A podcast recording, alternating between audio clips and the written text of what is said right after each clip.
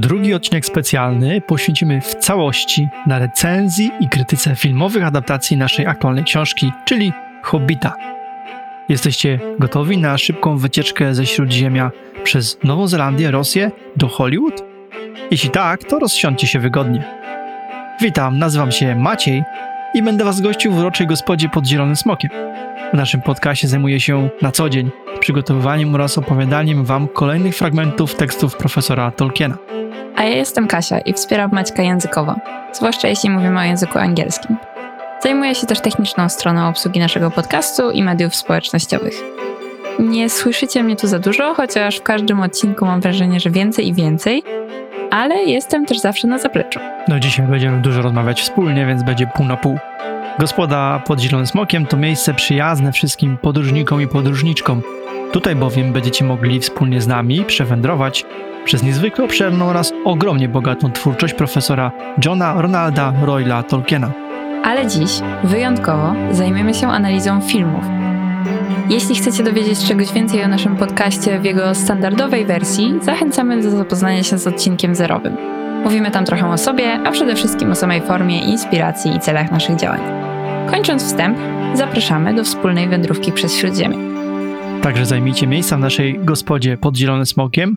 Przypomnijcie sobie filmy Jacksona, Basha i wiele innych, bo jest ich wiele. Przygotujcie sobie kufelek dobrego trunku, może popcorn i zaczynamy naszą podróż do... No właśnie, dokąd? Śródziemie? Hollywood? Nowa Zelandia? Czy, czy może Rosja? Wydaje mi się, że najbardziej to do naszego e, salonu czy pokoju dziennego, gdzie nagrywamy podcast, czytamy książki, no i czasami w tych wyjątkowych sytuacjach oglądamy jakieś filmy. Przy czym słowo czasami jest tutaj taką grubą poetycką przesadą, bo bardziej pasuje prawie nigdy oglądamy filmy. No nie da się ukryć, e, o czym mówiliśmy już nieraz, e, że kino i telewizja nie są naszymi ulubionymi mediami, zwłaszcza twoim, bo ja to jeszcze czasem coś obejrzę z własnej woli, mam jakąś tam listę. Ja z własnej woli też oglądam Władcę Pierścieni chociażby. Okej, okay. tak jak zapowiadaliśmy, dzisiaj mamy odcinek o filmowych adaptacjach Hobbita. Y, jaki jest nasz pomysł? Bardzo prosty. Z każdego filmu każdy z nas miało przygotować 5 plusów i 5 minusów. Z tym, że czasem nie udawało się znaleźć przynajmniej mi 5 plusów, wtedy dokładałem więcej minusów, żeby się wyrównało. W każdym razie o każdym filmie będzie coś dobrego i coś yy, złego. Na to możecie być przygotowani.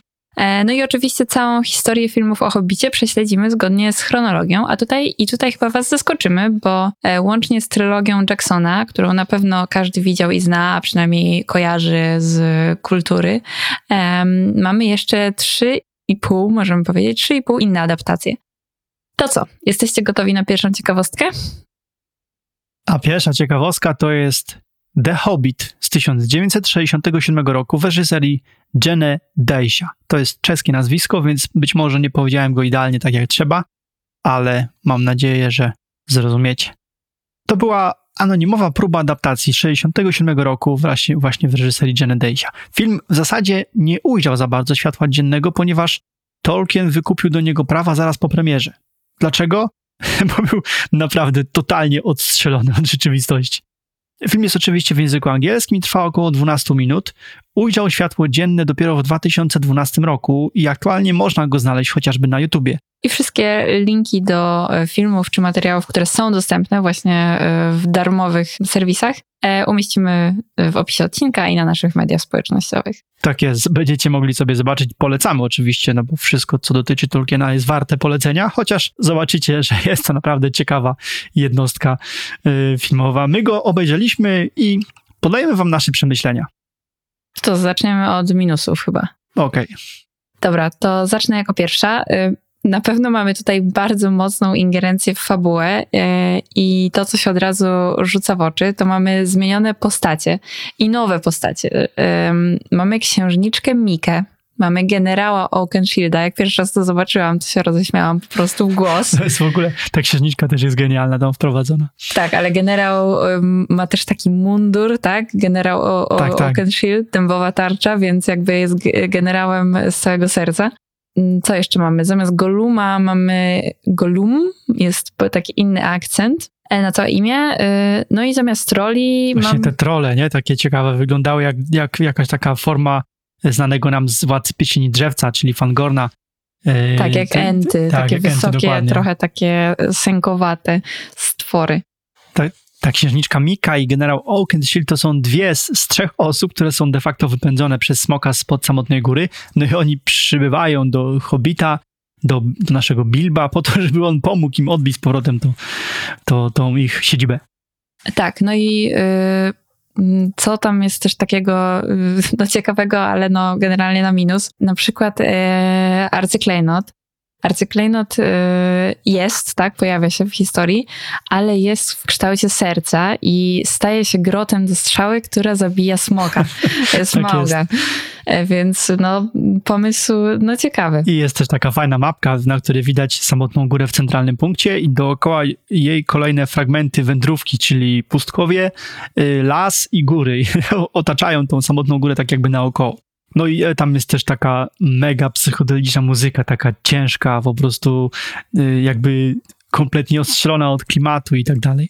Tak, no jest taka dziwna ta, ta muzyczka. I taki obraz skaczący, prawda? Tam, tam te kolory są takie intensywne, bardzo stara produkcja, więc wiadomo, to było inaczej robione. No i te kolory tak skaczą momencie, kiedy dzieją się jakieś, No myślę, że w tym, y, w, w tym, który chyba jako kolejny będziemy omawiać, y, trochę nawet jest bardziej to intensywne, ale to, ale to zaraz do tego dojdziemy. No to może teraz plusy, żeby Tak nie było jest. tak negatywnie. Oczywiście. No film jest przede wszystkim pocieszny i śmieszny. Jak zobaczycie, no to no, na pewno się uśmiejecie. Jak obejrzycie ten film, gwarantuję wam dużą dawkę radości. Tak, jak macie 12 minut y, wolnego czasu, to możecie go spokojnie zmarnować na, na ten film. Okej, no, i, no i co jest plusem? Bilbo na koniec poślubia księżniczkę Mikę, no i wracają do Hobbitonu. Tam jest jakby ich miejsce nie pod samotną górą w siedzibie y, generała Oakenshielda, tylko wracają właśnie mm, do domu Hobbita. Y, Z tym filmem wiąże się też taka ciekawostka finansowa. Kasia, powiesz tutaj coś więcej? E, tak. E, amerykański producent William Snyder nabył prawa do adaptacji e, w latach od 64 do 67 roku. E, I jego propozycja współpracy z wytwórnią 20th Century e, upadła, dlatego zgłosił się do Żenę Dajsza, tak? To To wymawiałeś? jest czechosłowackie imię i nazwisko, więc ciężko mi powiedzieć, jak powinno być dobrze. Okej, to, e, to możecie nas poprawić. Tak, więc zgłosił się do tego czechosłowackiego reżysera, który na bazie e, wcześniejszych fragmentów Snydera e, złożył taki 12-minutowy film tylko po to, żeby go sprzedać. I dodatkowo prawa do tego filmu należały do Snydera tylko w przypadku faktycznej jego emisji. Dlatego 30 czerwca 67 roku, czyli w tym ostatnim roku, kiedy, e, kiedy on miał jeszcze, Snyder miał jeszcze prawa do tego filmu, odbyła się na Manhattanie jego premiera i polegała na wyświetleniu filmu w niewielkiej sali kinowej dla ludzi, którym Snyder zapłacił za kupienie biletów na seans, czyli tak jakby zapłacił im, żeby przyszli. E, No jest to trochę pokrętne, ale dzięki temu jego prawa do e, tego filmu się upełnomocniły, tak, bo zostało wyemitowane, no i mógł odsprzedać ten film Tolkienowi za niebagatelne e, 100 tysięcy ówczesnych dolarów. A to był 67 rok, więc to naprawdę było kupę pieniędzy. Okej, słuchajcie, idziemy dalej. Ten filmik już mamy. Później mamy bardzo fajną produkcję wbrew pozorom i no całą, że tak powiem, ładnie ukazującą w, y, po części książkę. Y, The Hobbit, tytuł jest podobny, ale rok 1977 i reżyserów było dwóch, Arthur Rankin i Julian Bass. Mamy tutaj taki godzinny, animowany filmik także z 1970. To już bardziej film niż film. Tak, tak, tak. Ten film jest bardzo mało znany. Został swojego czasu nie najlepiej oceniony i w efekcie nigdy nie uzyskał statutu popularności. Niemniej należy z naszego profesjonalnego punktu widzenia poddać go dokładnie tej samej analizie, jak pozostałe omawiane dzieła. Obraz ten to około 80 minut animacji, opowiadającej w skrócie wyprawę do Ereboru. Oczywiście, jak się pewnie domyślacie, no, nie ma tu nic dodanego ze względu na czas trwania, jest natomiast sporo wycięte z książki. Film ten jest dostępny tylko i wyłącznie w angielskiej wersji językowej. Teraz zaś czas na nasze oceny. E, To może jeszcze zanim przejdziemy do oceny, to wspomnę tylko, że ten film także można oglądać na YouTubie, y, ale on jest podzielony na odcinki po parę minut, więc są playlisty, z których można go odtworzyć. One są takie trochę pomieszane niektóre, ale ogólnie no, można oglądnąć i, i załapać o co chodzi. Tak więc, tak podobnie jak w poprzednim filmie, zamieścimy link do tego kanału na YouTube. Słuchajcie, minusy. No tutaj ponownie psychodeliczna muzyka od samego początku uderza, jak tylko się krasnoludowie pojawiają i Gandalf szczególnie, to jest niesamowite, jak ta muzyka no, momentami aż, aż kuje w oczy wręcz.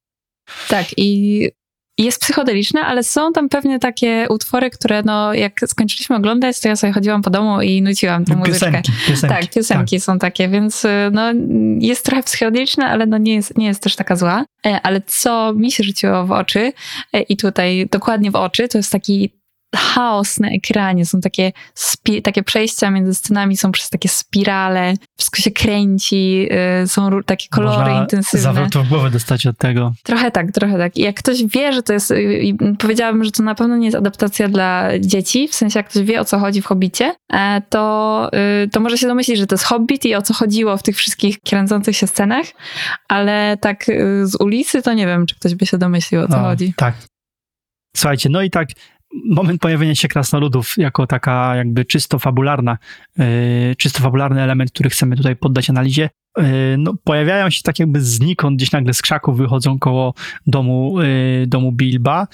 Później mamy taki moment, kiedy te kucyki w jaskini goblinów są wciągnięte i tam zabrane, a krasnoludowie za nimi ruszają, a same gobliny w ogóle wyglądają jak takie, nie wiem, połączenie, yy, połączenie guźca z diabłem tasmańskim, taki Tak, bardzo w ogóle wszystkie negatywne y, postacie, w sensie negatywne gatunki, że tak powiem, bo gobliny, też pająki w, w Mrocznej Puszczy, y, wszyscy mają właśnie takie kły z, z dolnej Tak. szczęki, Tak. Em, więc to jest chyba po prostu taki wzorzec, wzorzec animacji. Ale już na przykład smok mi się podobał w tej, Tak, w tej to smok wersji. był, Smok był i fajny. Bilbo też był całkiem Tak, fajny. tylko w smoku to jedno rzucało się w oczy, to, tak, to te e, z oczu padały takie promienie pokazujące, gdzie on patrzy i to było takie śmieszne, bo jak, to jakby latarnia świeciła dokładnie, wiecie, w punkt. Yy, no wiadomo, oczy tak nie działają, nie? Tak jak Ale, jakiś bazyliszek, tak, dokładnie. coś takiego. Natomiast co na plus? No na plus na pewno jest to, że tutaj fabuła się zgadza. Na plus, na plus z punktu widzenia nas, fanów Tolkiena, adaptacja powinna właśnie się w miarę możliwości najlepiej jak się tylko da zgadzać z treścią książki. Więc tutaj jest to duży plus, że fabuła się zasadniczo zgadza.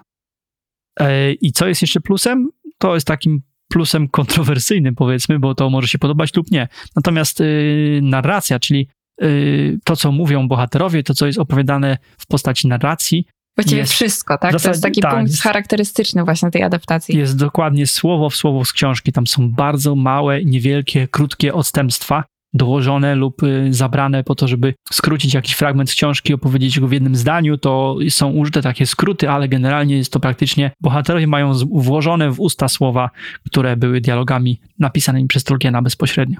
Może jeszcze jeden taki plusik, e, wesoły plusik, to jest jak jest zrobiona postać Gandalfa.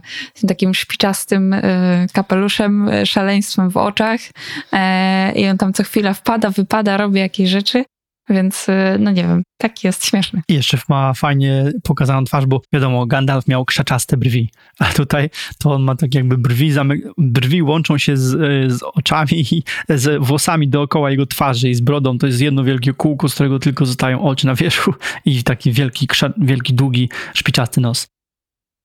Dobra. Okej, to myślę, że o tym e, filmie mamy wszystko. E, Ten e, ja bym, ja bym poleciła. Jest to na pewno taka ciekawostka, e, którą e, w por- w porównaniu do tej e, najpopularniejszej adaptacji współczesnej, do której przejdziemy za chwilę, to myślę, że no naprawdę jest to taka ciekawa, ciekawa rzecz do zobaczenia. Tak jest. No to idziemy dalej. Słuchajcie, w 1979 roku został wypuszczony, wyemitowany Hobbit przez BBC. O tym dziele wiemy najmniej. Było to y, z okazji tysięcznego wydania programu dla dzieci pod tytułem Jacksonary i y, BBC wypuścił taką opowiadaną adaptację historii wyprawy Bilba. Niemniej Tolkien Estate, czyli jakby y, organizacja, czy, która skupia prawa do wszystkich dzieł Tolkiena, bardzo szybko zatrzymała emisję tej produkcji.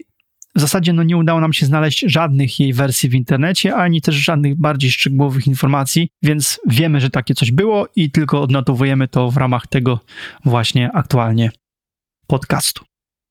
Natomiast później mamy rok 1985 i tutaj przeskakujemy do Związku Radzieckiego. Wtedy Tak, ten film z 1985 roku to faktycznie pierwsza filmowa adaptacja emitowana w telewizji w Rosji w latach 80. i 90. I pełny tytuł to The Fabulous Journey of Mr. Bilbo Baggins, The Hobbit, Across the Wildland, Through the Dark Forest, Beyond the Misty Mountains, There and Back Again. Czyli całkiem długi tytuł. tytuł. jest tak, konkretny, nie ma żartów. Oczywiście ten filmik też możecie znaleźć na YouTubie, też zamieścimy do niego link. Yy, Dodamy tylko, że tutaj reżyserem był Władimir Latyszew. I ten film pomija przygodę z trollami, pobyt w Rivendell i u Beorna, a także u leśnych elfów w zasadzie są one tylko, te elementy są tylko wspomniane przez narratora. I podobnie jak w tym Hobbicie z 1977 roku, em, też właśnie, bo tego nie wspomnieliśmy tak dokładnie, ale e, w tym animowanym 80-minutowym filmie e, też tro, e, trolle akurat nie są pominięte, ale pobyt u Beorna jest pominięty e, i też są tylko wspomniane później. Co nie, więc taki sam zabieg jest, jest e, zastosowany, mm, żeby tylko wspomnieć, a nie przyciągać filmu. Tak jest. Dobrze, słuchajcie. Yy, To co? Nasze oceny i nasze tutaj mm, komentarze. Zaczynamy standardowo od minusów. To co? No wiadomo, to były lata 80. Rosja. Mm, Ta prostota realizacji jest przytłaczająca. Znaczy, to- jest realizowane jak, yy, nie wiem czy kojarzycie, pamiętacie takie yy, wydarzenie w telewizji polskiej publicznej było teatr telewizji, czyli było realizowane w teatrze y, rzeczy, które były nagrywane kamerami i puszczane widzom. I to były na ogół spektakle, przedstawienia takie czysto teatralne.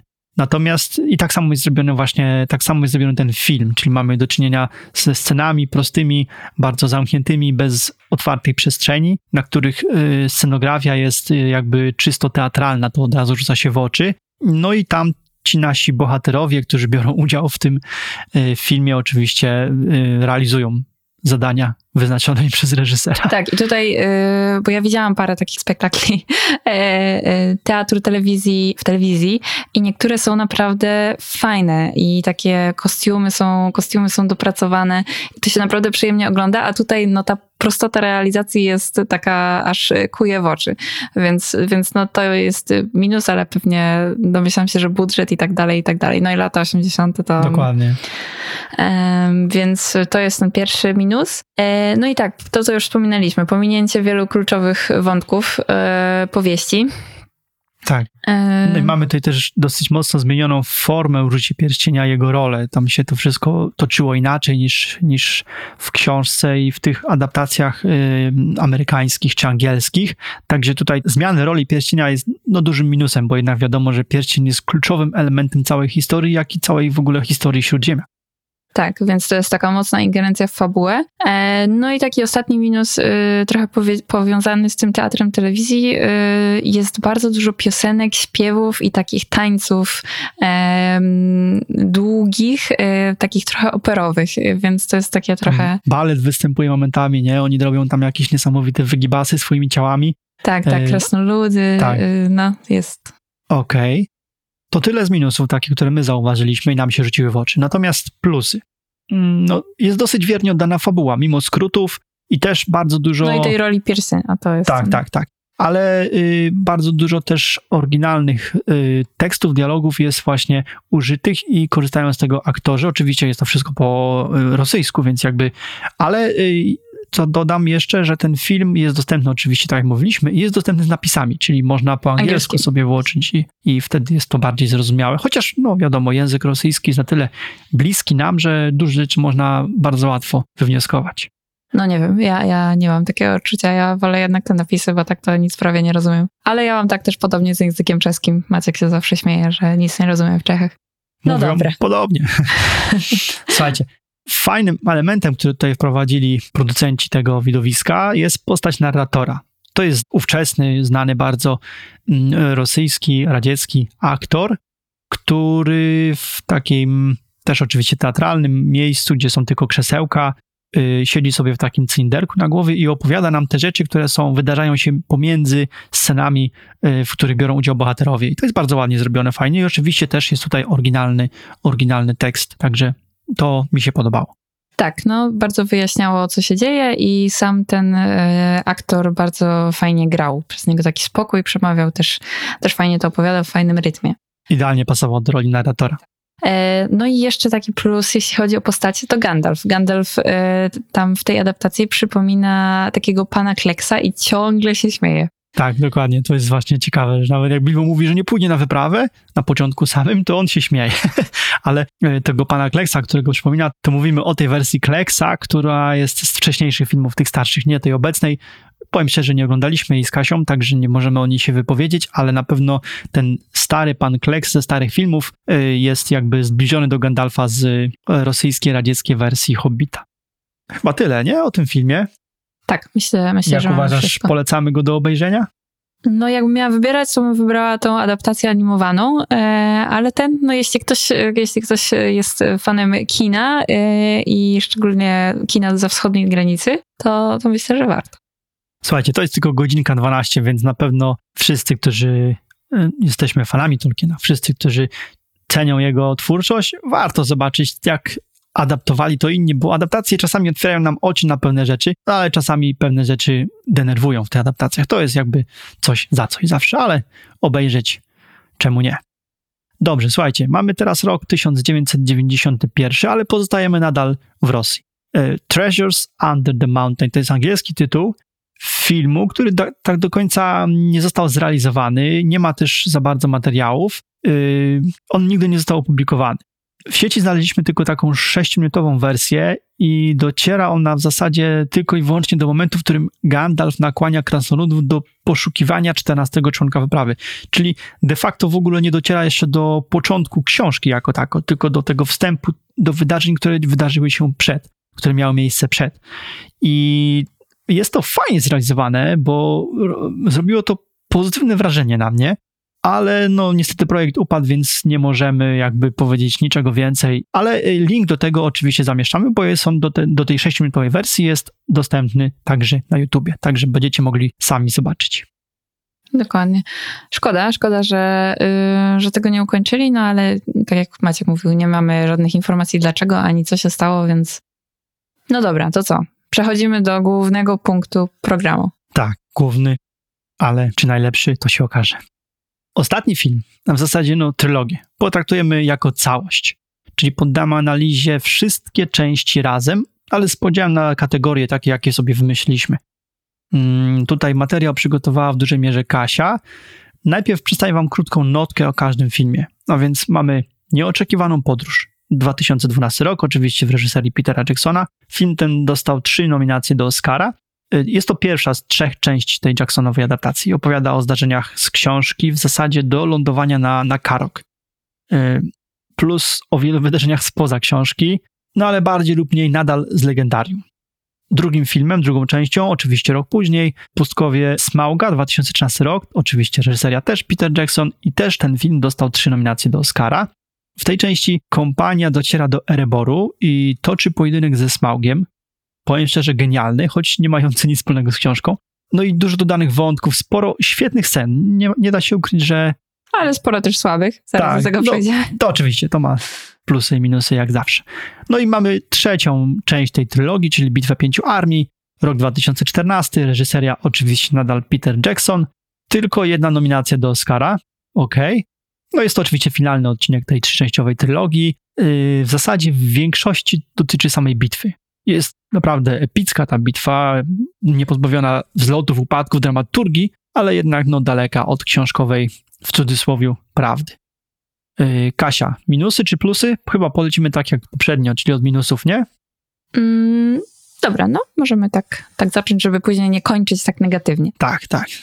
Dobra, no to takim pierwszym minusem y, to jest y, ogólnie realizacja, tak to nazwaliśmy, realizacja filmu. I tutaj y, takie, zakwalifikowaliśmy takie grupy jak grafika komputerowa, prawa fizyki, dialogi, muzyka i jeśli będziemy w każdej, w każdej takiej grupie będziemy wam mówić, o której części dokładnie mówimy, ale co we wszystkich częściach, we wszystkich trzech częściach się rzuc, rzuciło nam w oczy, to jeśli chodzi o dialogi, mamy bardzo dużo anachronizmów, tekstów ze współczesnego świata, takiego dopasowania, dopasowania dialogów do no, współczesnego świata, do współczesnej kultury, która no, trochę nie pasuje do, no, do Hobbita, po Tak. prostu do historii. Dokładnie. Jeśli chodzi o grafikę komputerową, to pewnie już spotkaliście się z takimi opiniami w sieci, że właśnie w, w Hobbicie, w przeciwieństwie do Władcy Pierścieni, tworzonym przecież przez tą samą ekipę i z tymi samymi aktorami, było y, w tym filmie właśnie Hobbit było wykorzystywane dużo więcej grafiki komputerowej i animacji komputerowych, szczególnie postaci, takie jak Bolg czy, czy Azog byli komputerowo zrobieni i wiele też takich właśnie trudnych postaci, w sensie nie, nie ludzkich, że tak powiem. Natomiast we Władcy Pierścieni większość orków, yy, tych takich, które znamy z ekranu, czyli przywódcę chociażby oblężenia Minas Tirith, czy parę jeszcze innych takich postaci, to były yy, osoby, które miały makijaż lub jakąś tam maskę założoną. No kostiumy po prostu I to działało. O wiele lepiej, o wiele lepiej i takie są też opinie większości ludzi, którzy oglądali te filmy. Dobra, to jeszcze jest jedna rzecz do wszystkich części, o której mówiłeś, więc może ty, ty y, zaczniesz od tego punktu. Mówimy teraz o muzyce. Słuchajcie, no, tworzył tę muzykę także y, Howard Shore, bardzo znany kompozytor do wielu filmów, do wielu dzieł i tworzył on też muzykę do Władcy Pierścieni. No i co ja wam mogę powiedzieć? No moim zdaniem to on się chyba zestarzał. 10 lat minęło od momentu, kiedy pisał muzykę do Władcy Pierścieni, do momentu, kiedy napisał muzykę do Hobbita, którego właśnie omawiamy. No i poza paroma momentami, poza piosenką Krasnoludów z pierwszej części, yy, powtarzanymi i rozwiniętymi lekko motywami ze starszego filmu z Władcy, to nie ma w tej muzyce nic tak porywającego jak w tamtych filmach. Akurat miałem okazję dosłownie tydzień temu oglądać pierwszą część Władcy, tak po prostu z okazji tego, że padał deszcz, nie było co ze sobą zrobić, to włączyliśmy yy, z synem i generalnie, słuchajcie, no od razu rzuca się w oczy, ta jest, tam jest ta muzyka naprawdę genialna, dopasowana do treści, dopasowana do wydarzeń, a znowuż dwa tygodnie wcześniej oglądaliśmy Hobbita, wszystkie trzy części, przemęczyliśmy się z tym wszystkim w jednym ciągu w zasadzie, w ciągu dwóch dni, ale tam ta muzyka była taka Ona taka, po prostu nie taka zapada po prostu w jest. pamięć. Właśnie to jest to, to słowo po prostu jest tu kluczowe. Ona po prostu jest. A to za mało dla takiego filmu. No i zresztą same ilości nominacji do Oscarów to nie jest przypadek. Okej, to kontynuując, teraz y, powiemy wam o takich konkretnych już y, scenach czy, czy miejscach z każdej części. I w pierwszej części, jeśli chodzi o właśnie to, tą realizację, to takim trochę absurdalnym, absurdalnymi scenami e, zostajemy uraczeni w podziemiach e, goblinów. E, cały ten, to miasto goblinów jest, no tam jest bardzo dużo grafiki komputerowej, prawa fizyki w czasie tych jej tych ich walk tam w ogóle Tak. nie istnieją, e, więc no dla mnie No i to takie jakby, wiecie, tak jakby przebiegali przez domino, które się rozsypuje, rozsypuje, rozsypuje. Tam ci przeciwnicy po prostu są marionetkami wręcz. To, to wygląda to no komicznie. Dobra, to co mamy w drugiej części? W drugiej części, no, to co nam się rzuciło strasznie w oczy, to jest ten spływ leśną rzeką i, i, i walka z orkami. Yy, Wiecie, to mi to trochę przypominało Piratów z Karaibów film, gdzie tam też niesamowite rzeczy dzieją się w niesamowitych yy, momentach i yy, pojedynki, walka jakakolwiek, skakanie Legolasa po głowach krasnoludów, którzy są zanurzeni w beczkach, w wodzie i płyną. To wszystko się rusza płynnie, a tymczasem Legolas trafia za każdym razem w e, kolejnych przeciwników, kolejnych orków. No jest to, wiadomo, to jest film, to robi wrażenie, ale no nie ma ani nic wspólnego z książką, to jedno, a po drugie, no prawa fizyki tam naprawdę nie istnieją kompletnie. No, nie mam nic do dodania, po prostu się zgadzam. No i w trzeciej części y, mamy, tak jak Maciek mówił, w trzecia część jest w większości bitwą pięciu armii, więc tam mamy dużo scen bitewnych. No i mamy Bifura z toporkiem w głowie, mamy te... To od początku, nie? O, Tak, pierwszej tak, też, części, to to z tym też. toporkiem. E, Co to w ogóle za pomysł? To będziemy jeszcze mówić o, o odejściu od fabuły i od, y, o postaciach, jak niektóre zostały ukazane lub nie ukazane. Mhm. Em, ale mamy te kozły w, w bitwie, Legolas latający na nietoperzu, Legolas na wieżomoście, no to już jest w ogóle Chyba tą scenę każdy kojarzy. Jak absurdalne, tam, jak, tam jak biegnie po spadających Tak. cegłach. wbiega do góry po spadających w dół cegłach walącego się mostu. No niesamowita No historia. i właśnie ta trzecia część jest taka wybitna, jeśli chodzi o tą e, ilość grafiki komputerowej. I no i niektóre rzeczy są zrobione tak w miarę okej, ale niektóre aż się rzuca w oczy, że to nie jest e, jakieś tam dopracowane, nie wiem, przemyślane. No i przecież takie na siłę trochę to jest wszystko zrobione momentami. Tak, no dla mnie te, te trzy sceny, te podziemia goblinów, spływ tą leśną rzeką i później y, ten Legolas skaczący przeciwko grawitacji, to jest taka kwintesencja takiego przygodowego kina familijnego, chyba żeby utrzymać uwagę, nie wiem, młodszych widzów, e, więc no nie, nie wiem, po czemu miałoby to służyć innemu. Dokładnie. Słuchajcie, no to to jest ten pierwsza część minusów, czyli ta właśnie realizacja samego filmu. Druga porcja minusów dotyczy fabuły i no przede wszystkim odejścia od fabuły książki Hobbit. Tak się zastanawiam, czy nie powinniśmy od tego zacząć, bo już mówiliśmy o Legolasie, Tak, tak, no który w ogóle czemu on się tam No znalazł. już poszło, więc Tak, no, ale, ale jest okej. Dobra, to y, w pierwszej części takie, y, co, y, co na pewno y, warto wspomnieć. Mamy na początku motyw z Doriath. Mamy ten konflikt y, krasnoludów z elfami. Tak. krasnoludów z elfami. To jest tak, że właśnie jest ukazana ta scena, kiedy, y, kiedy krasnoludowie przychodzą do, mm, do Tranduila, króla elfów, aktualnych oczywiście, i y, nie dają, pokazują im te klejnoty, które dla nich zrobili, ale im tych klejnotów nie dają. No i z, gdzieś tam gniew i złość, chęć zemsty i tak dalej. To jest motyw, który, którego nie było w książce Hobbit, natomiast był w Silmarillonie. Kolejny element w ramach tych minusów z pierwszej części.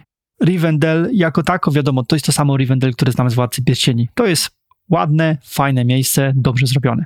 Natomiast no, zachowanie tych krasnoludów, które tam podczas jedzenia rzucają się, yy, robią strasznie takie brzydkie rzeczy, kąpią się w tej fontannie, no masakra. To jest po prostu, dla mnie to wyglądało dramatycznie i ohydnie.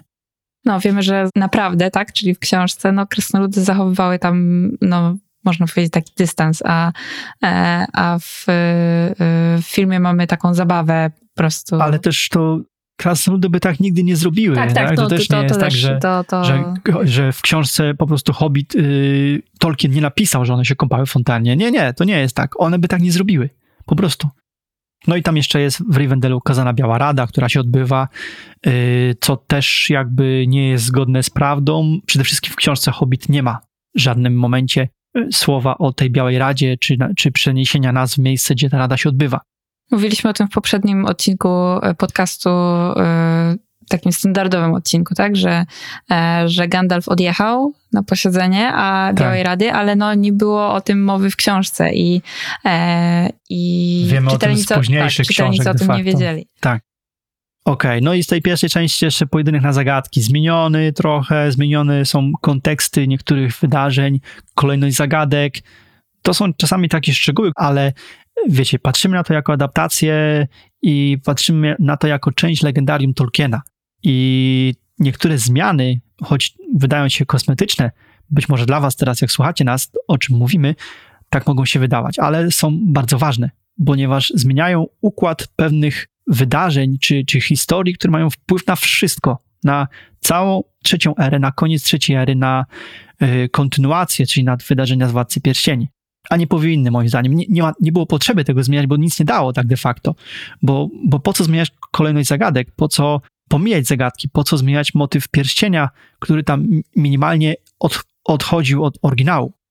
Moim zdaniem niepotrzebne i mm, skoro i tak film trwał długo, to dlaczego nie zachować w oryginale czegoś, co można zachować w oryginale i nie kosztowało to nic więcej pracy? Dobra, no to co, druga część. E, w drugiej części y, mamy taką scenę, jak Bilbo zabija takiego małego pajączka w obronie pierścienia. Okropna scena po prostu. To jest, Tak, to Maciek zwrócił na to uwagę najbardziej, że jakby no, nie pasuje w ogóle do całej historii e, i jest też taka niepotrzebna. Em, no i mamy pojawienie się Legolasa, Tauriel e, i później jeszcze wątek miłosny Tauriel i Kilego, więc no, to, to jest... Ci, ci z was, którzy tylko oglądali film, a nie czytali książki, w książce nie ma Legolasa, nie ma Tauriel, y, nie ma nawet nazwanego z imienia króla elfów leśnych, czyli nie wiemy, że to był Tranduil, ojciec Legolasa, tego nie wiemy z książki. No i Dowiem- Legolas wtedy jeszcze, no nie było Legolasy, tak? Wtedy w Legendarium. Znaczy Czy nie, były ty- nie był czy- spisany, natomiast y, o, oficjalnie był, bo żył już wtedy, tak? no tak, Czyli sumie tak. nie był spisany przez Tolkiena. Jeszcze wiadomo, że Legolas, postać jego powstała podczas y, spisywania Władcy Pierścieni, czyli te 17 i więcej lat później. Dlatego w tym momencie nawet Tolkien nie miał go w głowie jeszcze, tak, takiej postaci jak Legolas. Kolejnym takim minusem y, od fabuły odejściem jest poszukiwanie grobu czarnoksiężnika z Angmaru. Co to w ogóle za motyw? Skąd on się wziął? Czarnoksiężnik z Angmaru nie zginął, został przepędzony z północnych części e, Śródziemia, ale nie zginął. A tu mamy nagle poszukiwania jego grobu. Co to za element? Mi się ogólnie ta, ta scena w realizacji, w sensie y, w obrazie, mi się podobała, tylko właśnie tak jakby Ale taka skąd s- ona się wzięła? Ale w sensie, scena jak z co- horroru w ogóle, Tak, nie? Jak tak, on tam y- zjeżdża do tej, e, do tej wieży czy, czy grobowca i jakby tam... fajnie zrobiona, tylko to chyba nie ten film, No, albo nie, ta to historia. Chodzi, tak. To bardziej pasowało do filmu na podstawie twórczości Stephena Kinga. Okej, no i mamy też przy okazji przygód Gandalfa yy, jego pojedynek z Trainem. Gandalf udał się do Dol Guldur, to jest zgodne z prawdą, wydarzenie w legendarium, w poszukiwaniu właśnie Traina, o, ojca yy, Torina, czyli yy, w tym momencie był jeszcze on królem krasnoludów z plemienia Durina udał się tam po to, żeby go odnaleźć. Między innymi miał też inne cele, ale jak go odnalazł, to odnalazł jakby krasnoluda, który mniej więcej kontaktował, wiedział, co ma zrobić. A tutaj dochodzi w tym filmie do jakiegoś śmiesznego pojedynku Gandalfa z krasnoludem, który... No, no, no, komiczna sytuacja, komiczna scena, kompletnie niepotrzebna, kompletnie nie oddająca niczego sensownego, do niczego niepotrzebna w fabule. Nic kompletnie nie wnosi w fabule filmu, mówię. To było znowu takie typowe kino akcji. Tak, tak, tylko Rzucanie się po ścianach i po chwili miał, mógł stoczyć pojedynek z orkami, czy z, nie wiem, wargami, którzy tam byli w tym Dol Guldur. Po co walczyć Gandalf z Torinem? Po co? Train. Trainem, przepraszam. Dobrze, no i w tej drugiej części pojawia się też ten motyw tego złotego posągu, czyli y, w ramach walki krasnoludów ze Smaugiem w podziemiach y, Ereboru. Tam dochodzi do sytuacji, kiedy krasnoludowie dostają się do takiej swojej, nie wiem, huty, miejsca, gdzie było przytapiane ruda złota na, na złoto i był już wcześniej przygotowany jakby mm, przygotowany taki fundament pod posąg. Krasnoludowie uruchamiają przy pomocy smoczego, smoczego ognia, uruchamiają tą, tą całą mechani- mechanizację tej huty. To wszystko rusza, y, zostaje stopiona mm, ruda, wypływa złoto, wpływa do tego, do tego fundamentu przygotowanego i po chwili to wszystko zostaje rozerwane, ten fundament. Wiadomo, po- posąg nie zastygł jeszcze, więc się wylewa na Smauga. Smaug się bardzo mocno irytuje tym faktem i wylatuje na zewnątrz. No, patrzyłem na to i po prostu ręce mi opadały, jak to widziałem tą scenę, szczerze mówiąc. Ponownie kino akcji. Tak, tak, ale jakby oczekiwaliśmy adaptacji książki Tolkiena. Okej, no trzecia część. Idziemy do trzeciej części. Tak, yy, mamy scenę w Dol Guldur. Też taki dość fajny obraz, ale no znowu nie na temat. Tak, mówimy o tej scenie, kiedy znowu przedstawiciele tej Białej Rady przepędzają Saurona, który się tam pojawia w, jaki, w taki sposób, że wychodzi płomień z płomienia. Fajnie to jest zrobione ładnie, no ale też oczywiście nie do końca na temat. Yy, Okej. Mamy też motyw tych robakołaków, ziemiożerców, czyli tych wielkich stworów, które wygryzają, wygryzając dziurę yy, w ziemi, otwierają tunele dla, yy, dla goblinów, orków, które mogą dzięki temu niepostrzeżenie dostać się na pole walki, na miejsce pola walki. To absolutnie nic wspólnego z rzeczywistością, chociaż robakołaki jako tako występują yy, w Hobbicie w pierwszym rozdziale, mówiliśmy o tym, zaraz na początku, właśnie Bilbo używa tego sformułowania, Ale a- tylko słowa. tak, ale tylko Tak. słowo, nie ma nigdzie pokazanych robakołaków. No i, y, no i mamy to, co mi się też nie podobało bardzo, co nie powinno się zdarzyć. Doszło do walki, faktycznie doszło do walki elfów z krasnoludami. W książce było takie zagrożenie, że dojdzie do walki, ale w książce Tranduil, król elfów, mówi wyraźnie, że nie zaryzykuje wojny dla klejnotów. Czyli do tego by nie doszło. Elfowie by się wycofali. Takie mam wrażenie. A tutaj no, jest moment, kiedy oni ze sobą walczą do momentu, aż pojawiają się gobliny i nagle e, przybijają sobie piątki i lecą na goblinów. No nie, niepotrzebne. Tak, no podsumowując jakby całą tą grupę, czyli tą zmianę w fabule, moim zdaniem chciano nawiązać y, trochę za bardzo do wydarzeń z Władcy, y, ponieważ no, ten film jest już znany i wiadomo, że większość oglądających Hobbita Władcy już widziała i mamy takich dużo wątków, y, których tak naprawdę w, w Hobbicie nie było, chyba tylko po to, żeby pokazać, że to jest powiązane albo że no, te wątki występują w obu filmach, nie wiem.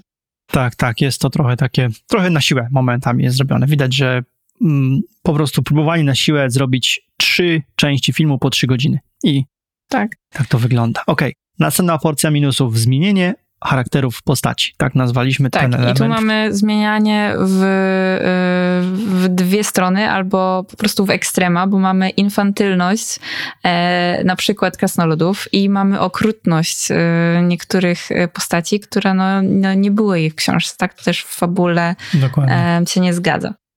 Słuchajcie, w pierwszej części, ja powiem szczerze, byłem na tym filmie w kinie, to w momencie, kiedy zobaczyłem scenę stukania się głowami Balina z Dwalinem, z rozpędu, z takim głuchym stukotem, ja chciałem wyjść od razu z tego. No wiadomo, zostałem, bo e, po pierwsze nie byłem tam sam, a po drugie, no wiadomo, chciałem obejrzeć do końca i zobaczyć, co się jeszcze wydarzy.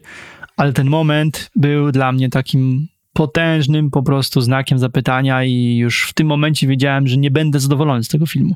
Co to w ogóle za pomysł, żeby krasnoludowie na przywitanie stukali się z rozpędu głowami? Nie wiem, nie wiem. No i w ogóle ta cała takie przedstawienie krasnoludów takich infantylnych trochę, mm, szczególnie w tej pierwszej scenie, bo później może tak tego nie widać, ale na samym początku, jak są wprowadzani, mamy głuchego To, to, Doriego. nie, to nie Dori chyba był jednak, wiesz, bo mamy w notatkach Doriego zapisanego, ale Dori to był ten, który podawał Gandalfowi ten kieliszek malutki z winem podczas uczty. Tu mamy błąd w nota- notatkach, to nie był Dori. Aha, to To tak, był ale chyba jeden, Gloin. tak, jeden z nich był, był przygłuchy Tak, i miał miał tylko ten taki trąbkę. trąbkę. Przysta- Przystawiał E, do, do mamy, uszu. e, Tego też nie e, wiemy. Bo Bimbura albo Bofura, który jest z toporkiem w głowie od samego początku i on w ogóle jest taki postrzelony, w sensie jakby nie był w pełni sprawny umysłowo. Tak jest ukazane w filmie. No, dziwnie. Tak, no więc y, mm, krasnoludy, no tutaj ich realizacja jest taka, y, no nie wiem, te w książce na pewno, na pewno tak, e, takich charakterów nie mają. Dobra, w pierwszej części, no i też w tych samych pierwszych scenach, e, Bilbo e, i jego stopy. Tu w ogóle się coś nie zgadza. To jest, to jest też element, który występuje oczywiście w Władcy Pierścieni, bo y, Jackson kazał hobbitom być stworami, które, postaciami, które mają wielkie, duże stopy. Słuchajcie, pierwszy fakt jest taki, który wiemy, no chodzili oni na boso, tak, zgadza się. Mieli porośnięte stopy yy, włosami, tak, to się zgadza, i wiadomo, mieli stwardniały naskórek w związku z tym, że chodzili na boso, to jest naturalne. Ale hobbici byli znani z tego, że potrafili niepostrzeżenie zniknąć, nie magicznie, tylko po prostu potrafili na tyle cicho się poruszać, szybko, sprawnie yy, i, i zwinnie, że mogli zniknąć z pola widzenia nam, ludziom czy, czy innym istotom. I wyobraźcie sobie, jak taka postać ma być zwinna, szybka i poruszać się po cichu, nosząc na płetwach, na stopach płetwy. No, To jest, to jest niemożliwe. To jest No i zwyczajnie ogólnie jakby w legendarium nie ma nigdzie powiedziane, że te stopy są duże, Nie tak? ma, absolutnie. Nie ma W książkach tego nie ma. takiego, takiego momentu, więc y, tutaj te kostiumy są jeszcze dodatkowo mają szpiczaste uszy. Tak, Tak, to też jest Hobbici. niezgodne z książkami. I tak samo było we Władcy Pierścieni. Wszyscy hobbit, hobbici, hobbitowie mieli szpiczaste uszy. Dobra, to mamy krasnoludów, mamy Bilba i w pierwszej części jeszcze pojawia nam się Radagast. W książce go nie było. E, przynajmniej nie wizualnie, był gdzieś tam wspomniany, natomiast tutaj jest fizycznie, pojawia się na ekranie Radagast w wielu scenach. No i jest on też ukazany strasznie komicznie, tutaj ta infantylność. On momentami zachowuje się też jak, jak osoba troszkę mm, nie po kolei poukładana pod głową, e, po pierwsze, a po drugie, no ma takie zachowania, które też, no jakby, słuchajcie, to był jeden z Istarych, jeden z czarodziejów Śródziemia, jeden, jedna z pięciu osób, które zostały wysłane do Śródziemia po to, żeby walczyć z Sauronem. Y, I y, to była potężna postać. To była potężna postać, która miała konkretne zadanie i- i on ją w miarę, to zadanie w miarę realizował, w przeciwieństwie do y, Sarumana. A tu jest ukazany jako taki postrzelony, szalony miłośnik y, zwierząt i, i, i roślin. No, absolutnie nie. Po prostu jedno wielkie nie. Tak, jeszcze ten kostium e, jego i to, że on jest taki brudny, umazany w ziemi. I te ptaki, które mu siedzą pod kapeluszem, ma, mają gniazdo w jego włosach, no to też to było żenujące. No, w ogóle nietrafiona, nietrafiona adaptacja. Tak. No dobra, i w drugiej i trzeciej części mamy y, jedną postać właściwie, z którą, na którą chcieliśmy zwrócić uwagę. Maciek? Tak, to był Tranduil, król, król elfów y, z, z wielkiej, z Mrocznej Puszczy, wiadomo. I tutaj Tranduil jest ukazany jako postać kompletnie odwrócona w stosunku do tej z książki. No jest porządliwość klejnotów, której nie było. Jest y, dużo więcej takiej złośliwości, takiej nieczułości, takiej No jest takim okrutnym królem po tak, prostu. tak. To w ogóle nawet nie pasuje do elfów, już nie mówiąc nawet, że e, wiadomo, te elfy leśne były inne niż e, Noldorowie, niż ci elf, el, elfowie wysokiego rodu, ale, ale tutaj poszli chyba troszkę po bandzie. Tak, chyba potrzebowali tej złej postaci, kolejnej. Dokładnie. To może pasowało do fabuły tego filmu, ale nie jest to elementem książki. Dobra. Dobra, tak. Kasia? To ostatni minus, i to będzie krótki minus, e, to jest długość filmu. No i tu chyba nic nie trzeba dodawać. Trudno jest to wszystko obejrzeć e, i trudno jest się skupić, szczególnie, że właśnie fabuła jest tak podzielona na różne wątki, że no mnie ten film nie wciąga. E, no i naprawdę no mamy tak dużo tych wątków nie mających związku z Hobbitem, e, tylko po to, żeby, nie wiem, przeciągnąć ten film, żeby wydać e, każdą część rok po roku. Tak, E, to, to był ewidentnie komercja, nie? tak. Zdecydowała. Natomiast powiem wam tylko jedną rzecz jeszcze a propos tej długości filmu, że mamy tutaj taką sytuację, że z mojego punktu widzenia, z mojego doświadczenia, dla mnie ciężko jest obejrzeć jeden film Hobbita, jeden, czyli jedną trzygodzinną część trylogii, y, wysiedzieć na niej po prostu, bo się przy tym męczę. Natomiast gdybym znalazł czas, miał okazję, to usiadłbym na 12 godzin przed ekranem i obejrzałbym Władcę Pierścieni w całości. Bez żadnego problemu. I wytrzymałbym bez żadnego problemu. To świadczy o jakości tych filmów, nie, nie, tylko, nie tylko o tym, że coś bardziej lubię lub nie. Tu ewidentnie jest po prostu, to się chce oglądać, a tamto się człowiek męczy podczas oglądania. Okej, Kasia, nie przedłużając, przechodzimy do plusów. Tak, żeby nie kończyć tak negatywnie, to jednak znaleźliśmy jakieś plusy w tych filmach. Bardzo na siłę, ale znaleźliśmy. Dobra, zacznijmy od y, chyba najłatwiejszego. E, od gry aktorskiej. No i tu mamy grę Bilba. em, Tam Martin Freeman, genialna rola, genialne tak, działania, Mi się naprawdę podoba, jak on ma te wszystkie takie tiki, ruchy, takie zachowania. mimika. Mimika naprawdę bardzo naturalnie to wygląda i pasuje do tego, co, co mówi, tak pasuje do dialogów. No naprawdę mi się e, podoba, jak, jak e, odegrał Bilba. Tak, no i Gandalf. Gandalf, czy Ian McKellen też świetna rola, kolejna świetna rola. Wiadomo, no, kazali mu robić rzeczy bezsensowne, no ale ja, on jako aktor zrealizował je bardzo dobrze. Rola Turina też bardzo dobrze zagrana przez Richarda Armitage. Także tutaj ta, ta trójka, ale nie tylko, bo dużo aktorów naprawdę z, z, zrealizowało swoje zdania bardzo dobrze. Tak, mieliśmy też pozostałych y, aktorów z... Y, Krasnoludów z... Tak, z Władcy Pierścieni, Z Władcy więc Pierścieni, y, tak. wiadomo, że no, oni y, zrobili dobrą robotę. No i taki jeden plus, który mi się też rzucił w oczy, to mimo, że jakby krasnoludy byli... Y, ich charaktery i jakby samo y, przedstawienie postaci, charakterów nie było jakieś super o tym, co już mówiliśmy, to kostiumy mieli naprawdę fajne. Tak, tak, to wszystko się trzymało kupy. Okej, kolejny, kolejna grupa plusów to przedstawienie miejsc i stworzeń. Umyślnie tu mówimy o stworzeniach, bo o postaciach jest inny punkt. I o, czyli ten, o którym już mówiliśmy, że postacie były tak trochę przekręcone, tak, że Radagast był przekręcony i tak dalej. Tak jest. E, To co, pierwsza część, co nam rzuciło na plus w oczy? Tak, no to przedstawienie miejsc. I tutaj mieliśmy Erebor na początku e, filmu. I naprawdę te, te, ha, te ym, nie hole, tylko sale, sale y, Ereboru, no na mnie zrobiły wrażenie. I mimo, że to były krótkie, y, krótkie ujęcia, to naprawdę ładnie było ukazane, ukazane te podziemia krasnoludów, miasto całe. I z pierwszej części jeszcze fajnie pokazane były orły. Podobało mi się te sceny z orłami. One były przedłużone, niepotrzebnie, ale jakby same orły zrobione super. Druga część, Kasia? Tak, to w drugiej części znowu zaczniemy od, od miejsca y, i mi się podobały podziemia leśnych elfów y, i sama puszcza. I puszcza też tak, fajnie, tak. Puszcza jako obraz. E, Co mieliśmy jeszcze później? Esgarot, e, no i scenografię góry, Dale, e, Dol Guldur, to co już mówiliśmy, że mm, niepotrzebne sceny, ale w sumie ładnie zrealizowane. No, plenery były bardzo ładne na pewno. Tak. No i przede wszystkim na koniec tej drugiej części Smaug. No słuchajcie, jeśli chodzi o Smauga, same zalety. Same zalety, naprawdę świetnie ukazany Smaug.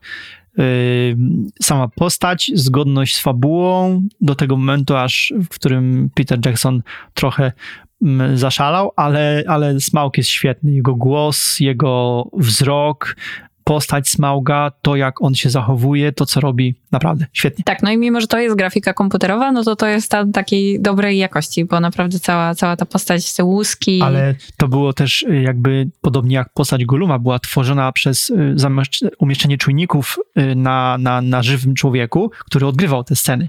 I to było przeniesione do grafiki. To widać od razu różnicę. A, to widzisz, nie wiedziałam. Tak, tak, to też nazywa się ten aktor, nie pamiętam teraz nazwiska, ale on podkładał głos zarówno, jak i właśnie odgrywał te sceny. Można znaleźć filmiki na, chociażby na Instagramie, więc jak znajdziemy, to przerzucimy wam linka. Okej. I w tej trzeciej części mamy też właśnie fajną tą walkę, spalenie Esgarot, śmierć Smauga oraz bardzo, co mi się podobało, bardzo wyraziście ukazana jest ta smocza choroba. Ta, ym, ta choroba, która trawiła Torina, która spowodowała jego bunt, jego mm, niepotrzebnie złe zachowanie pod koniec, w, w trzeciej części w zasadzie. Tak, jak on tak przemierzał sam te hale, Tak, te szukał znowu powiedziałam hale zamiast sal. E, Sale, jak szukał e, złota, patrzył na złoto, szukał Arcyklejnotu szukał, tak. No i jest to trochę przesadzone, ale to dobrze, bo akurat w tym momencie warto było z tym przesadzić, po to, żeby właśnie pokazać ten jego problem w głowie. Okej, mamy jeszcze taką luźną grupkę plusików bez kategorii na zakończenie. To co, to może zacznij Kasia? E, tak, no i tutaj e, wypisaliśmy sobie trzy. E, I pierwszym z nich jest e, rola Balina. E, I naprawdę fajnie jest ukazane, jak on jest takim, taką ostoją spokoju i rozsądku w, e, w kompanii. Tak, widać też, jak fajnie reaguje właśnie na te zachowania Torina. On próbuje go wyprowadzić z tych błędów jego, z tych, nie, z tych złych zachowań, z tych e, momentów, kiedy Torin właśnie okazuje swoją słabość do złota i tak dalej. Nawet jest taki moment, kiedy Balinowi lecą łzy z, z oczu, widząc zachowanie swojego no, króla. A wiadomo, że Balin jest najstarszym tutaj przedstawicielem krasnoludów i był też y, ważnym doradcą na dworze poprzednika, dziadka y, Torina, także naprawdę on zna historię całego tego rodu, jest bardzo ważną postacią.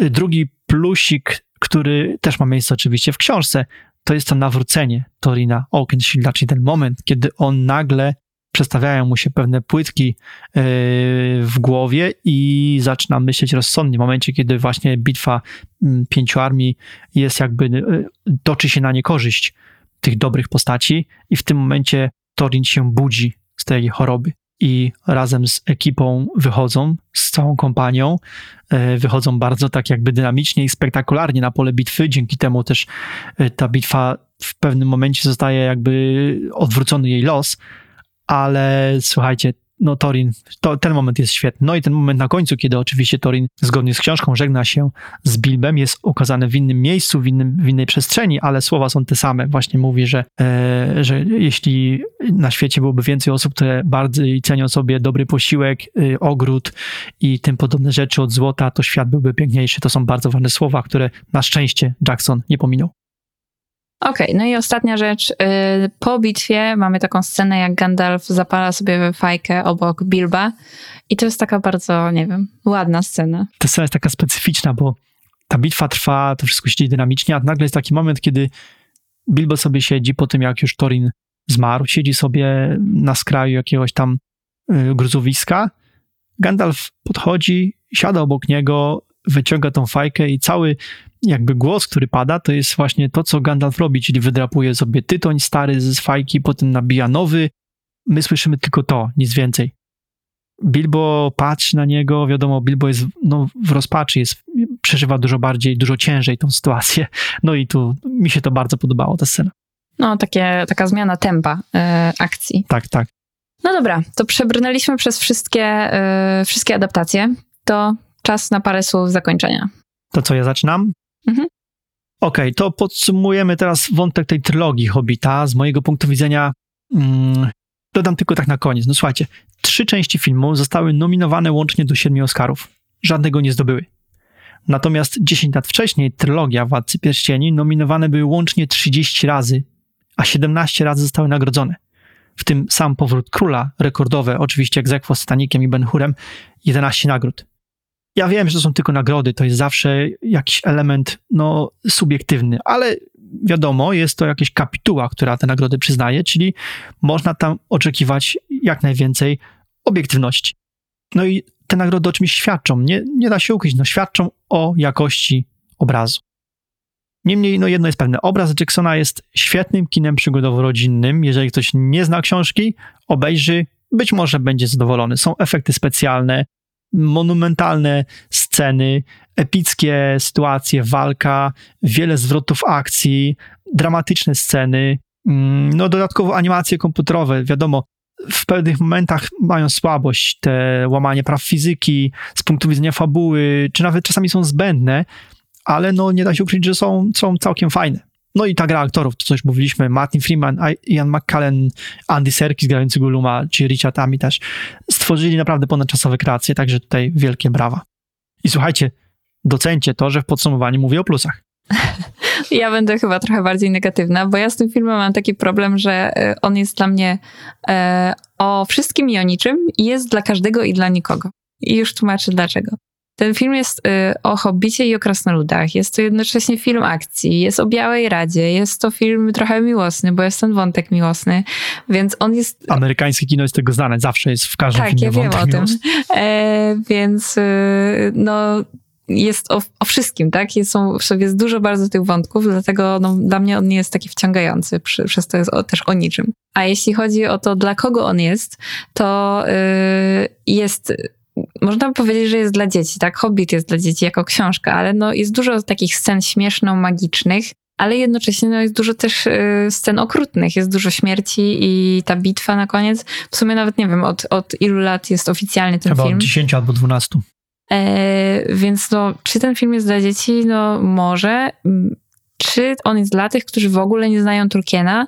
No może być, chociaż myślę, że przy tej ilości wątków można się pogubić. E, to nie jest dobry, dobry, dobra, e, dobra pozycja na poznawanie się z Tolkienem.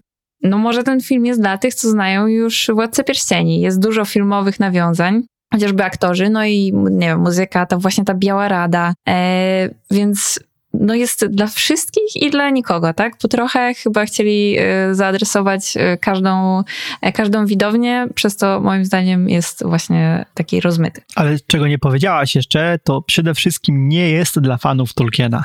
Od razu mówię, dla fanów Tolkiena ten film jest po prostu mało ciekawy. Tak, no i dodatkowo to wszystko się składa na to, że jest za długi i mi się ciężko na nim skupić w odróżnieniu od Władcy, więc y, moja ocena filmu, no nie wiem, to jest takie 4-5 na, na 10, ale jednocześnie wiem, że każda adaptacja filmowa powoduje, że więcej osób poznaje Tolkiena i może jakiś procent sięgnie pierwszy raz po książkę i to zawsze cieszy. Takie same przemyślenia miałam, dyskutowaliśmy z Maćkiem po pierwszym sezonie Rings of Power y, w 2022 roku chociaż. Tak, to, to, się, to się zgadza całkowicie, że wiadomo, że w obecnych czasach jakby wielu fanów Tolkiena trafiło w ogóle na Tolkiena i zaczęło czytać Tolkiena tylko dlatego, że obejrzeli film. Więc to jest plus tych adaptacji. One trafiają oczywiście do szerszej, szerszego grona odbiorców i automatycznie być może parę osób dzięki temu trafi do tego już bardziej takiego y, książkowego e, e, fandomu, że tak powiem, tolkienowskiego. Okej, okay, to tyle jeśli chodzi o trylogię, a teraz może ogólne podsumowanie. Tak więc, no słuchajcie, jak widzicie, branża filmowa wbrew pozorom nie próżnowała. Miała swoje no, lepsze i głównie gorsze chwile w kwestii adaptacji Hobbita. Niemniej, jak już mówiłem, ja jestem fanem Tolkiena, a nie kina, więc moje oceny mogą być zaniżone. Yy, oczekuję zawsze no, najpierw dobrej adaptacji, dopiero potem efektów specjalnych, Stąd też na przykład dużo, dużo plusów miałem do tych radzieckich produkcji, które były zgodne na tyle, ile się dało z, z fabułą. Niemniej, no wiadomo, dla wszystkich fanów Tolkiena kina mamy jedną prostą radę. Warto zapoznać się ze wszystkim, co jego dotyczy i oczywiście wyciągnąć własne wnioski. Bo przecież, jak powszechnie wiadomo, to, czy coś się komuś podoba, czy nie, jest kwestią niezwykle subiektywną. A ja otwarcie mówię, fanem kina od dawna nie jestem. Tak więc poszukajcie własnych opinii, a my dla ułatwienia w przypisach zostawimy Wam linki, tak jak już mówiliśmy, do wszystkich omawianych adaptacji. Za wyjątkiem trylogii Jacksona, e, która jest dostępna, ale tylko w powszechnie płatnych e, serwisach. I co? I to by było na tyle, jeśli chodzi o dzisiejszy odcinek specjalny numer 20. Dziękujemy bardzo za Wasz czas spędzony pod Zielonym Smokiem i pamiętajcie, czekamy na Wasze maile i pytania w mediach społecznościowych. Postaramy się najciekawsze zagadnienia czy komentarze poddać publicznej analizie na łamach tegoż podcastu. Nie zapomnijcie też kliknąć subskrypcji w Waszej ulubionej aplikacji. Przypisy do wykorzystanych w tym epizodzie materiałów znajdziecie w bibliografii odcinka na naszej stronie internetowej. Tam mamy też pełny, bardzo bogaty Tolkien Ozbiór oraz zestawienie innych mediów, z których korzystamy tworząc podcast. A w oczekiwaniu na kolejny odcinek zapraszamy do przeczytania ósmego rozdziału Hobbita. w którym kompania będzie próbowała złowić łódkę, I to bez przynęty. a to nie jest łatwe. Dokładnie. I także do usłyszenia w podcaście Pod Zielonym Smokiem za tydzień. I jak mówił Gandalf, niech wiatr niesie wasze skrzydła tam, gdzie słońce żegluje i gdzie przechadza się księżyc.